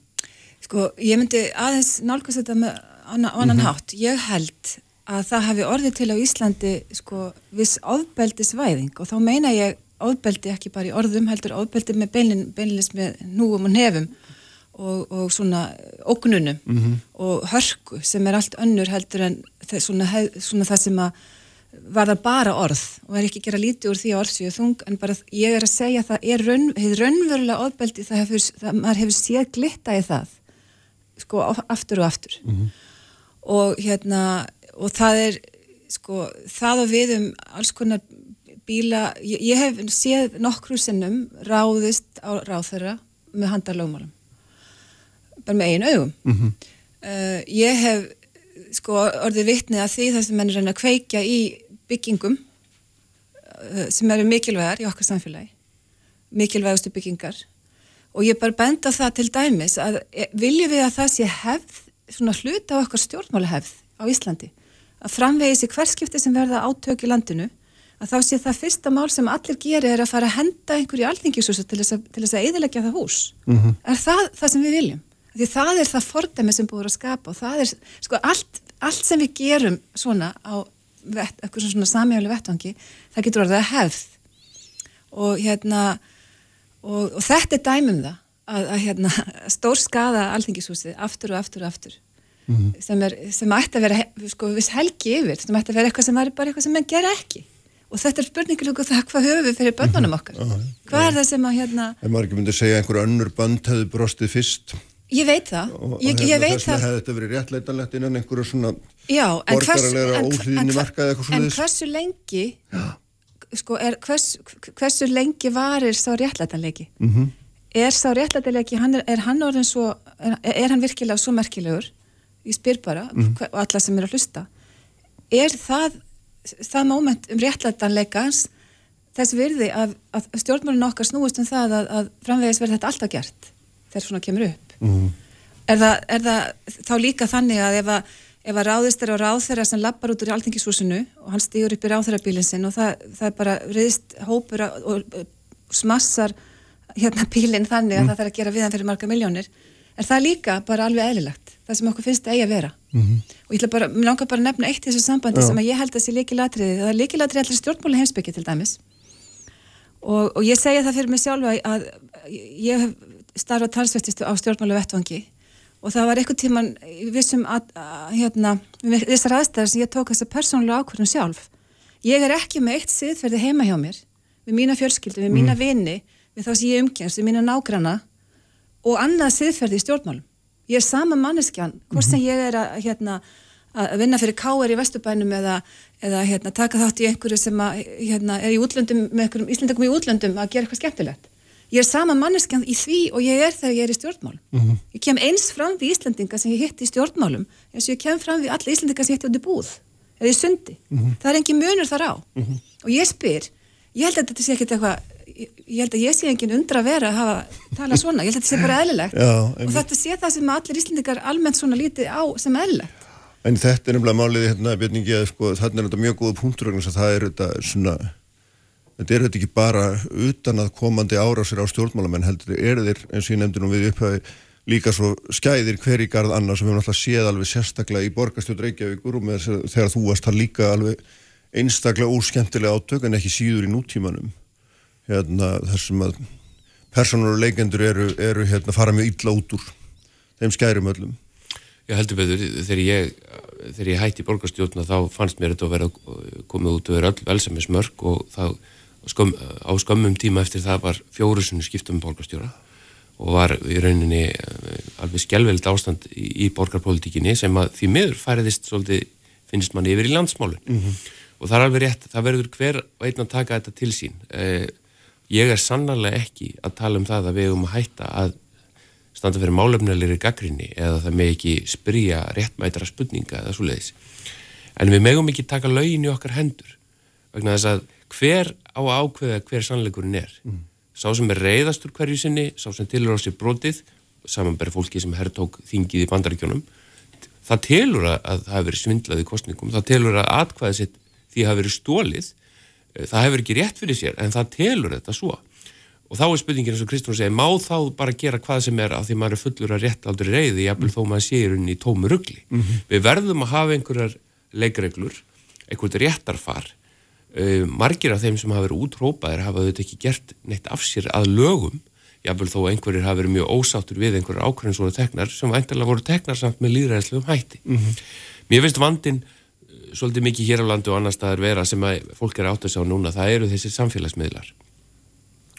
Íslenski fjölmiðlar finnst mér að hafa svolítið klikkað því að, að við gerum svolítið mikið fréttum upp úr því sem einhver segir á mm -hmm. samfélagsmiðlar og þá getur sá orðið fréttaefni sem segir svakalustu hlutina e, við sjáum á hverju með einasta degi einhverja fréttum það að eitthvað fyrirtæki í vestlun eða einstaklingur er nánast tekin að lífi út af því að einhver upplifið eitthvað, einhver móðgæðist einhverjum finnst eitthvað sem er jafnvel ekki, sko hefðbundna reitstjórnin eins og því þekki á fjölmjölum uh, það, það er, er fakttjekkað og það er skoðað og það er pælt og það er stíði valaði til jarðar og það er talið upp tíu á að fréttir eru gerðar. Uh, það, það getur einhver óðið fyrir einhverju upplifin í vestlun sest best við, beint við liklaborðið það færi þúsund læk og fyrir dreifingu og vestlunin er nánast bara úr leik. Mm -hmm. síðan kemur í ljós hálfu mánuði setna þreifingu setna eða tvei mánuði setna þetta var allt miskilingur og tóm vittlisa uh -huh. Vi, við við einhvern veginn farin að skjóta fyrst og spyrja svo í öllu tilliti. Og undirleikjandi eru ellendir ellendar í þessa fyrirtæki sem eru farin að stýra umræðinni er ekki bundin af neinum lögum er ekki ábyrg fyrir því sem að þarna byrtist breytar eru mjög upptegnir af þessu núna út af þessu nýði sem ég var að tala um og, mm. og, og, borga ekki eins og skatta og skildur hérna eru nánast að ganga af innlendum fjölmjölum döðum, ekki bara á Íslandi heldur um allan heim og þetta er orðið einhver tóm vittleysa það sem að hérna þannig að mér finnst að stjórnmálumennir fjölmiðlar verður þið svolítið að fara að hugsa núna býtu allir ég að reyna að ná mér í einhverja smelli eða allir ég að standa fyrir síðaðuru umræðu sem gerir mm -hmm. samfélagið eitthvað skarra mm -hmm. Já, þetta er góð spurning. Já, ég meina, ég tek undir þetta með, með áhrif, sko, það hvernig Facebook kom inn sem, sem heimild í fréttum var bara kollránt á Íslandi, mínu mati. Mm. Og hérna, og ég hef, þú veist, það, það, það er alveg langt síðan og það er mikið búið að gerast, en það er mitt fylgur það í sér að það er verið að taka heim, það er eins og heimild að tjekkunin, þetta aðtöku hversu margar, margir geta staðfest við komandi frétt, það er eins og það hefði vikið fyrir því bara að, að byrja... Að finnast eitthvað Já, samfélagsmiðlar hérna loga við, já, allt þetta. já, og þetta, þetta, mér finnst, ég verði að segja það að, að hérna, af því að ég var nú eina af þeim sem fikk að vinna sumarvinnuna mína á fréttastofu Ríkistórsins þá, þá veit ég að þetta aldrei gerst á þeim tíma, aldrei nokkuð tíma, Nei. það er aldrei verið unnið svona með fréttir og þetta er, þetta er eitt af því sem að, sem að þarf að, að breyta en, en og, mér... og, og gerir það líka verkum að stundum er það fólk sem ætla sér ekkert að verða á mill tannan og fólk já, já. setur fram einhverja skoðun í tilteknu efni bara eins og hver og einn á rétt á. Já, uh, fer fyrir vikið á skotskífu þjóðarinnar uh, og er jafnvel gjörsamlega að tekja lífi með þeim hætti heldur að þetta fólk muni mm. ekki hugsa sér tviðsvarum án það voga sér segja einhvern veginn aftur skoðun sín á einhverju máli jú, jú. En ég, svona, þessar, þessar ára sem við snúum okkur aðeins aftur á þeim sko, er, því að þú nefndir að björningi og hérna frá, frá okkur báðum sko, er, þetta hvort að þarna sé verið að vinna einhvern veginn kærusbundi að því að þakka niður í fólki ég minna það náttúrulega væri mjög skelvut en þetta er nú svona Ég, einhver önnur kenning getur verið að þetta væri um tilvílanum eða ástöðuleiki einhvers, ég veit það ekki. Mér langar bara til þess að deila því hérna vegna þess að, vegna þess að, að ég sást á sjónvarskjá fyrir tveimur dögum þá er ég búin að fá mjög mikið á alls konar ringingum og samtölum frá ymsu fólki sem hefur tekið þátt í stjórnmálum eða verið á opnveru vettungi undarfærin, undarfærin áratug eða á þeim tímabili, mm. svona sem liðin er frá hrjóni og hvað er það sem að hérna, sko, það sem bara stendur uppur öllum er þetta er gert til þess að hræða úr manni líftóruna, líftóruna. Mm -hmm. það verður að hræða líftóruna úr fólki með því að ógna því eins með þeim hætti að, að, að, að hérna, það bara þóri ekki með sama hætti að ganga fram það eins og Dagur saði nú í þessu viðtali sínu mm. hann var að lýsa því sem að svo margir og, og ég menna ég þekki mjög vel ég var til dæmis þegar Steinum Valdis Óskóttur var fyrir sínum hérna, fyrir sínir hræðilegu reynslu mm -hmm þá var ég á hennar heimili hvert einasta kvöld, þessi, þessi 30 kvöld eða hvað það nú var. Og, og, og ég þekki fleiri stjórnmála konur persónulega og fyldist með því þar sem það var setið um þær. Og þetta tekur frá fólki tilfinningunum það að það sé örugt heima hjá sér. Og það er alvarlegt. En hvað var það sem gerðist þá til dæmis? Og ég, og ég hef sagt þetta áður og ofinböla í viðtali og ég bara er að endur taka það sem ég sagði fyrir nokkrum árum áður. Ég hérna var fyrir miklu vonbröðum með því að hvað laurglan gerði ekkert til að verja þessa fjölskyldu? Velja badni sem bjóða þarna og fjölskyldunum sem bjóða þarna. Mm -hmm. og ég fagna því, það sem ég finnst tvent núna verið að gera sem ég held að skiptir ömurlega máli. Og, og, og sko ennþá meira máli heldur en að tala um Facebook og, og umræðina það er það að laurglan beiti sér þegar, það, þegar, þegar það, þess þarf. En vonandi sem allra minnst, af því að við viljum að Íslandi geti fólk mm. engi hér um og við viljum ekki að það séu allir hérna við sem orðinu eins og Ísrael sko, það sem að, nei, nei. er ekki hægt að skilji það, það er ekki það sem við viljum. Nei, við njótum aðdánar allra þeirra sem koma hinga fyrir það, að geta búið í opnu samfélagi og friðsælu og, og það sem að stjórnmálamennir eru bara fólk eins og við, mm. allir. Og það er það náttúrulega, þetta er bara fólk að svo við. En, en sem sagt ég bara ég ber saman uh, atvikinn fyrir utan heimili hérna Steinar Valdísar og síðan það sem er að gerast núna og ég fagna því að stjórnmálaflokkarnir hafa tekið sig saman og er að viðurkenna allir þetta vandamál. Mm -hmm. Það var það líka að gerast, þannig að það bara búið að vera þannig í langan tíma að þeir voru fegnir að það voru anstæðingarnir og, og vildu mm. leina því að það voru þeir sjálfur, segðu til. Já, já. Og, og hérna, ef að það gerist, að þeir halda saman og, og samfélagi líka, bara við öll, þetta venjulega fólk. Hvers konar stjórnmálumenn vilju við? Hvers konar stjórnmálu líf vilju við?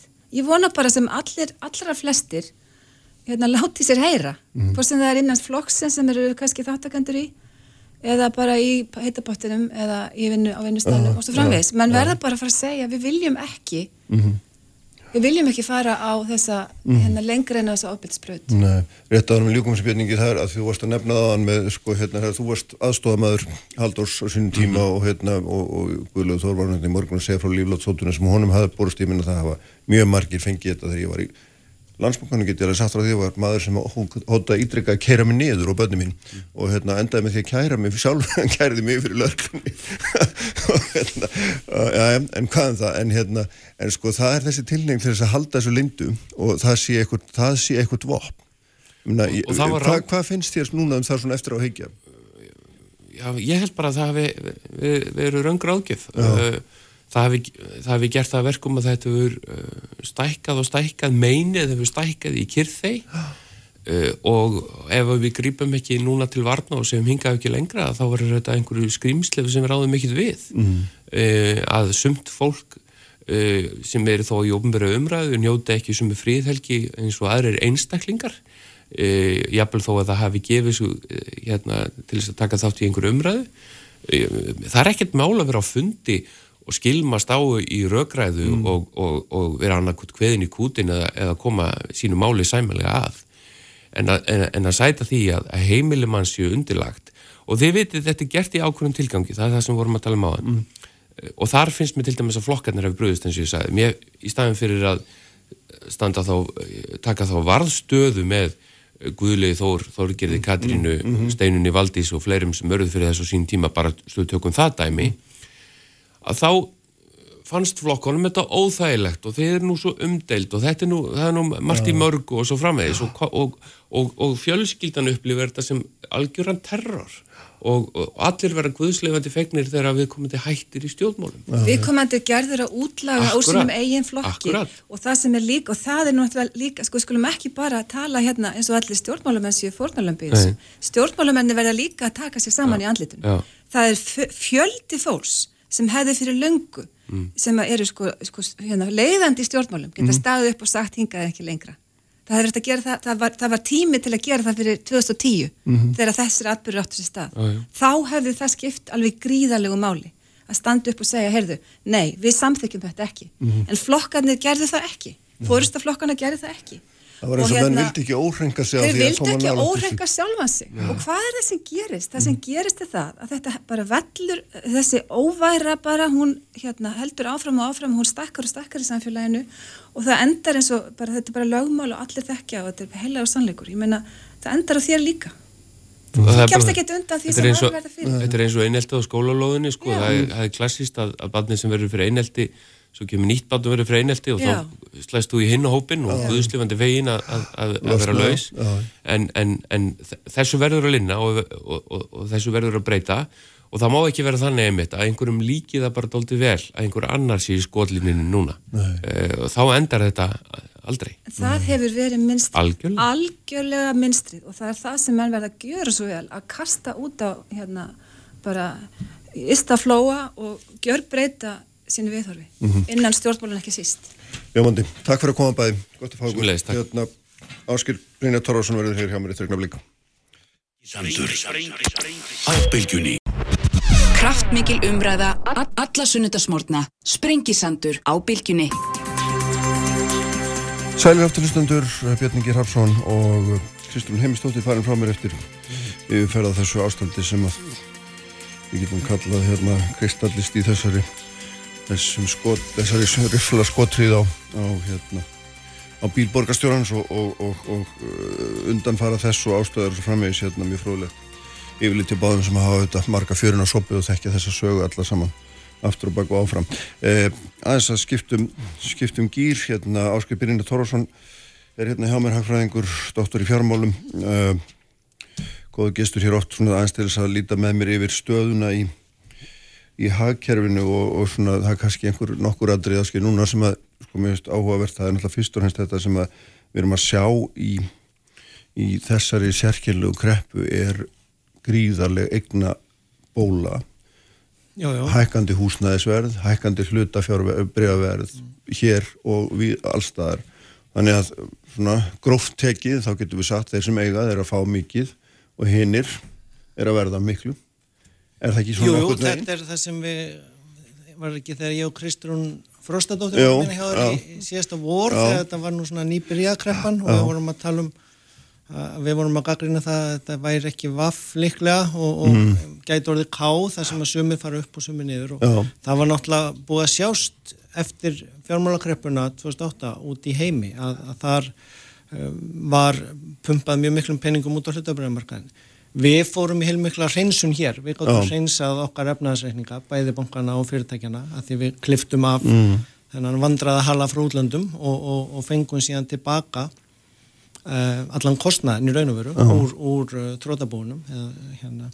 Þannig að, að, að við vorum já, búin að taka aðeins meira til og hreinsa og, og lekka skuldir áður en þetta kom, en, en síðan núna þegar heimsfaraldurinn kemur að þá náttúrulega um, fylgjum við öllum heiminum. För, förum með vextina niður, ekki alveg eins mikið en, en næstum því. Og, og það verður eins og, eins og Kristún var, var að benda á þá í voru mm. ég menna 200 miljardar fóru í hækkun eignaverðs og, og mjög lítill hlut af því fer í nýbyggingar. Og mm. þetta er alltæktur vandi, þetta hefur verið gaggrínt áður um, í London og, og hérna eftir síðasta fjármálarsun og mm -hmm. það er ósað erfitt að stýra fjármagninu, Vi, við heyrðum borgarstjóðan sem við vorum að tala um líka að vera að tala um þetta húsnæðistingi vikuna, að bankanir náttúrulega að því að þeir vildu vera varkárir held að vera að koma bóla hérna fyrir vá og komið dróðu í bremsuna, mm. lánuðu minn út. Þannig að í raun og veru einu framkvæmdirnar eru síðan hinn hin ofinberru eða ofinbert styrstu fastegnafélag uh, en það hefur þó haldið uh, byggingarinnan með gangi. En, en, en hvað maður segja, spillover eða, eða það skvettist mm. 90% kannski eða ég er ekki með tölur á nákvæmlega mm. yfir í bara að lifta upp eignaverðinu og, og þar með verður erfiðara fyrir þá sem eru ekki inn á markanum og koma inn á hann og, og, hérna, og fólki finnst að vera auðúra þegar fastegnin fyrir upp og það getur ég vel fengið meiri lán út á, á eignina og Já. farið þá endur bætur sem eru góðar ef þeir eru til að hérna, bæta einhverja galla en, en, en þetta er afleggingin af því að lekka vextan sem var þó algjörlega nöðslega til mm. þess að styðja við efnaðarslífið þannig, að og, og, og það er engin einföld lausnað, ég menn henni gamla þetta 80 eitthvað áður en með einhver veitur banka þá voru náttúrulega verið að stýra lánum miklu meira í mm. hvað átt að fara tókara í hvert fjörð eða mm. bankan látnir lána í eitthvað tiltekið en, en, en, en við erum hins vegar bara í allt annars konar stöðu núna og, mm. og allur heimurinn þannig að, mm. að ríkisjóður út um allan heim eru búin að vera stiðja bankana og fyrirtækin til, stiðja bankana til þess að þeir hjálpu fyrirtækjunum þannig að, mm.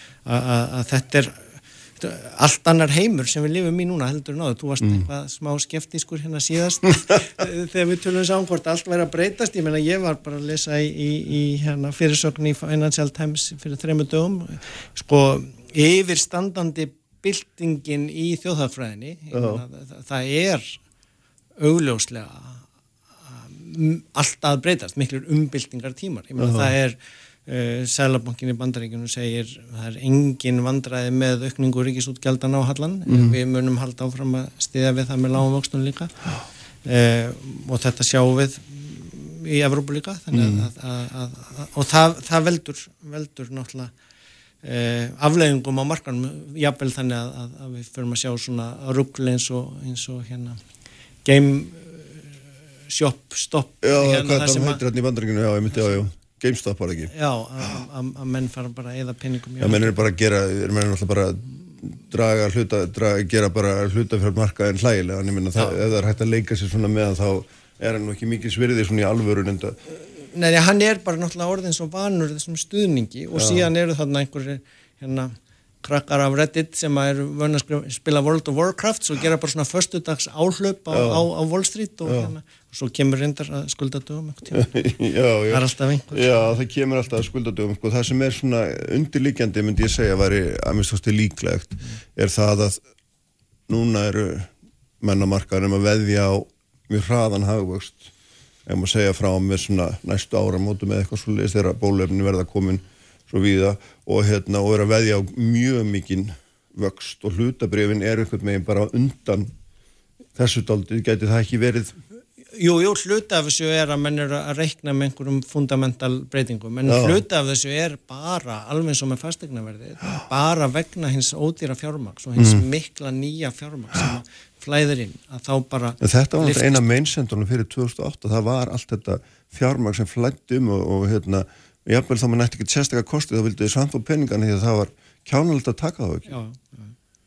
og þetta er bara svona hinn yktasta byrtingamind hvað að segja, fjármála væðingarna síðastleginn 40 ár að, og pendullin er held ég að, að, að búin að vera snúast síðastleginn 10 ár og sérstaklega núna við mm -hmm. er hann er hann að að fara að snúast í einhver aðra ótt en við vitum ekki almennilega hvert, nei, nei. hvert hann sveiflast næst. Og Eitt. kannski verður þetta hérna mikil uppsveifla og, og allt gengur vel en, en kannski breytist ferðaðinaður kannski koma ekki ferðamenn í sumar. Mm.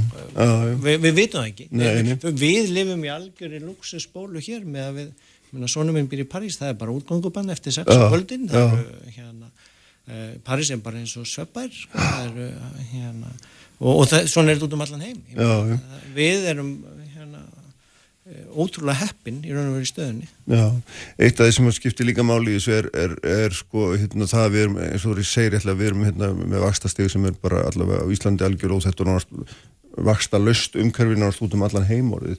Og þarna en svo er að hlaðast upp peningar já, sem að fá enga ávöxtu neinstadar og fólk er að býða, eða myndi maður halda verður ekki ólíklegt að fólk er að býða til tækifæri til þeim.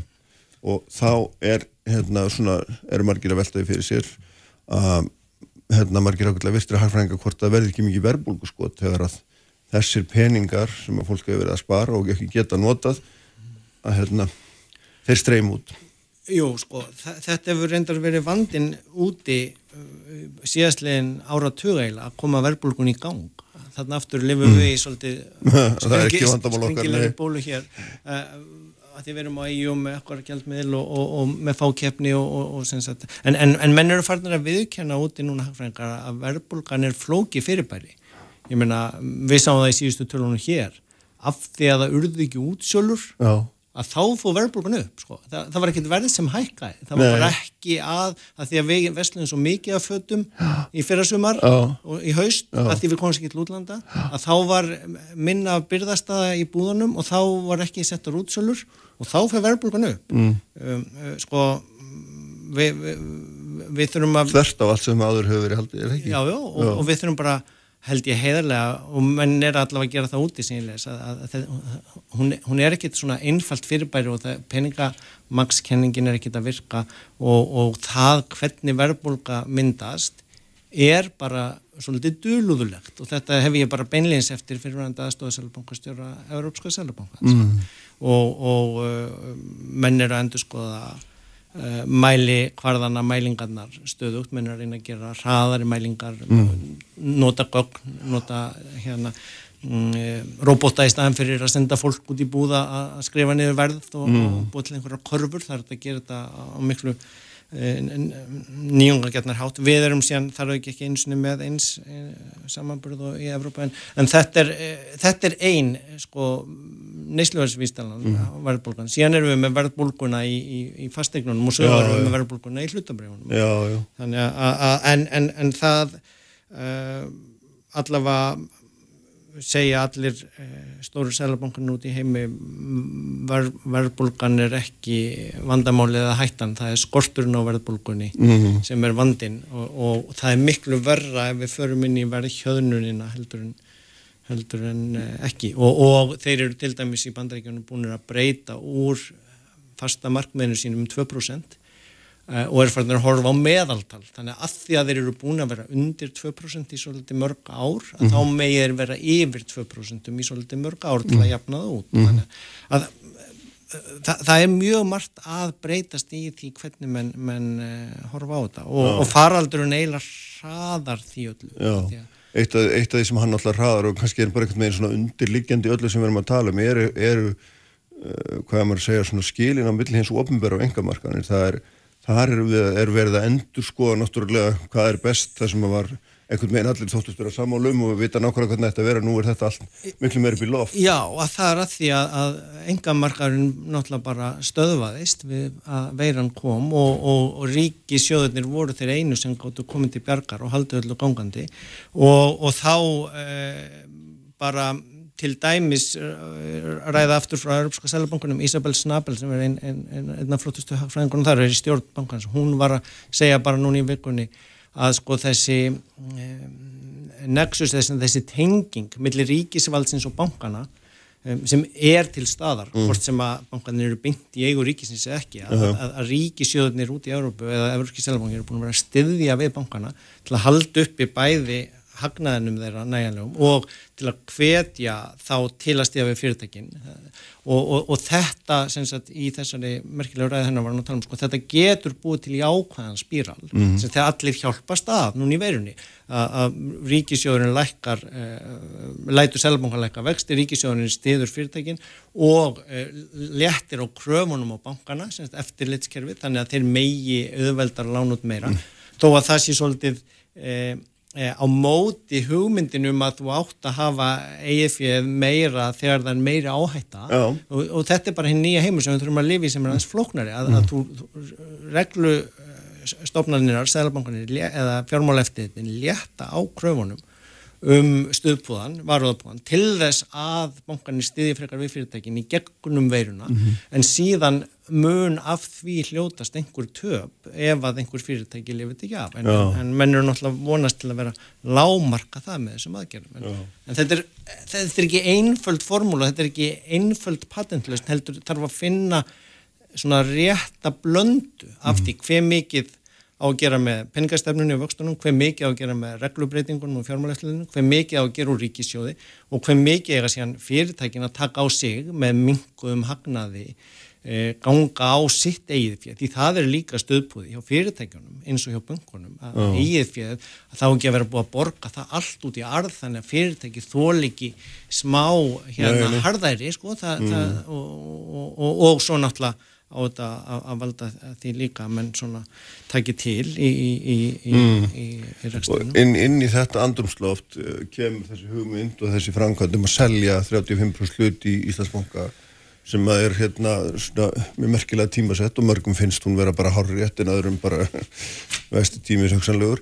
Hva, hvert er þitt mat á þessu? Nú er, nú er það einmitt, þú ert að lýsa hérna ákveðlega þessu ástandi sem er og, og þar með tali náttúrulega eru líka hérna er mjög, mjög, mjög mörg vandraða lán já, já. í böngum í ögnablikinu sem að, að þarna eh, svona á eftir einhvern megin að úrskurða um hvort verða innhendið ekki og, og svo framvegis. Jú, jú, og, og sko ég, ég skrifaði grein í vísbendingu um þetta sem að ég talaði um svona þrjár tegundir af vandraða eignum mm, mm fyrsta vandraðegnin er, er, er mjög mörgum þykir það til vandrað að ríki eigi banka Já. og vilja þá losna við þá eign sko. síðan, síðan er það þessar vandraðegnir bankana sem mm. eru lánin lánbankan eru þeirra eignir og þeirra efnarsengi og, og þau lán sem er ekki verið að borga að, er, af eru til vandraða um, reikningskilareglunum var síðan breytt eftir síðasta hrun þannig að þau þurfa að taka frá uh, og, og geima þannig að um, til, til að breyðast við tapinu, það, það, það, það þarf ekki að verða orðið tap til þess að mm. þau þurfa að taka þetta mm -hmm. frá sínum hagnað og vera viðbúin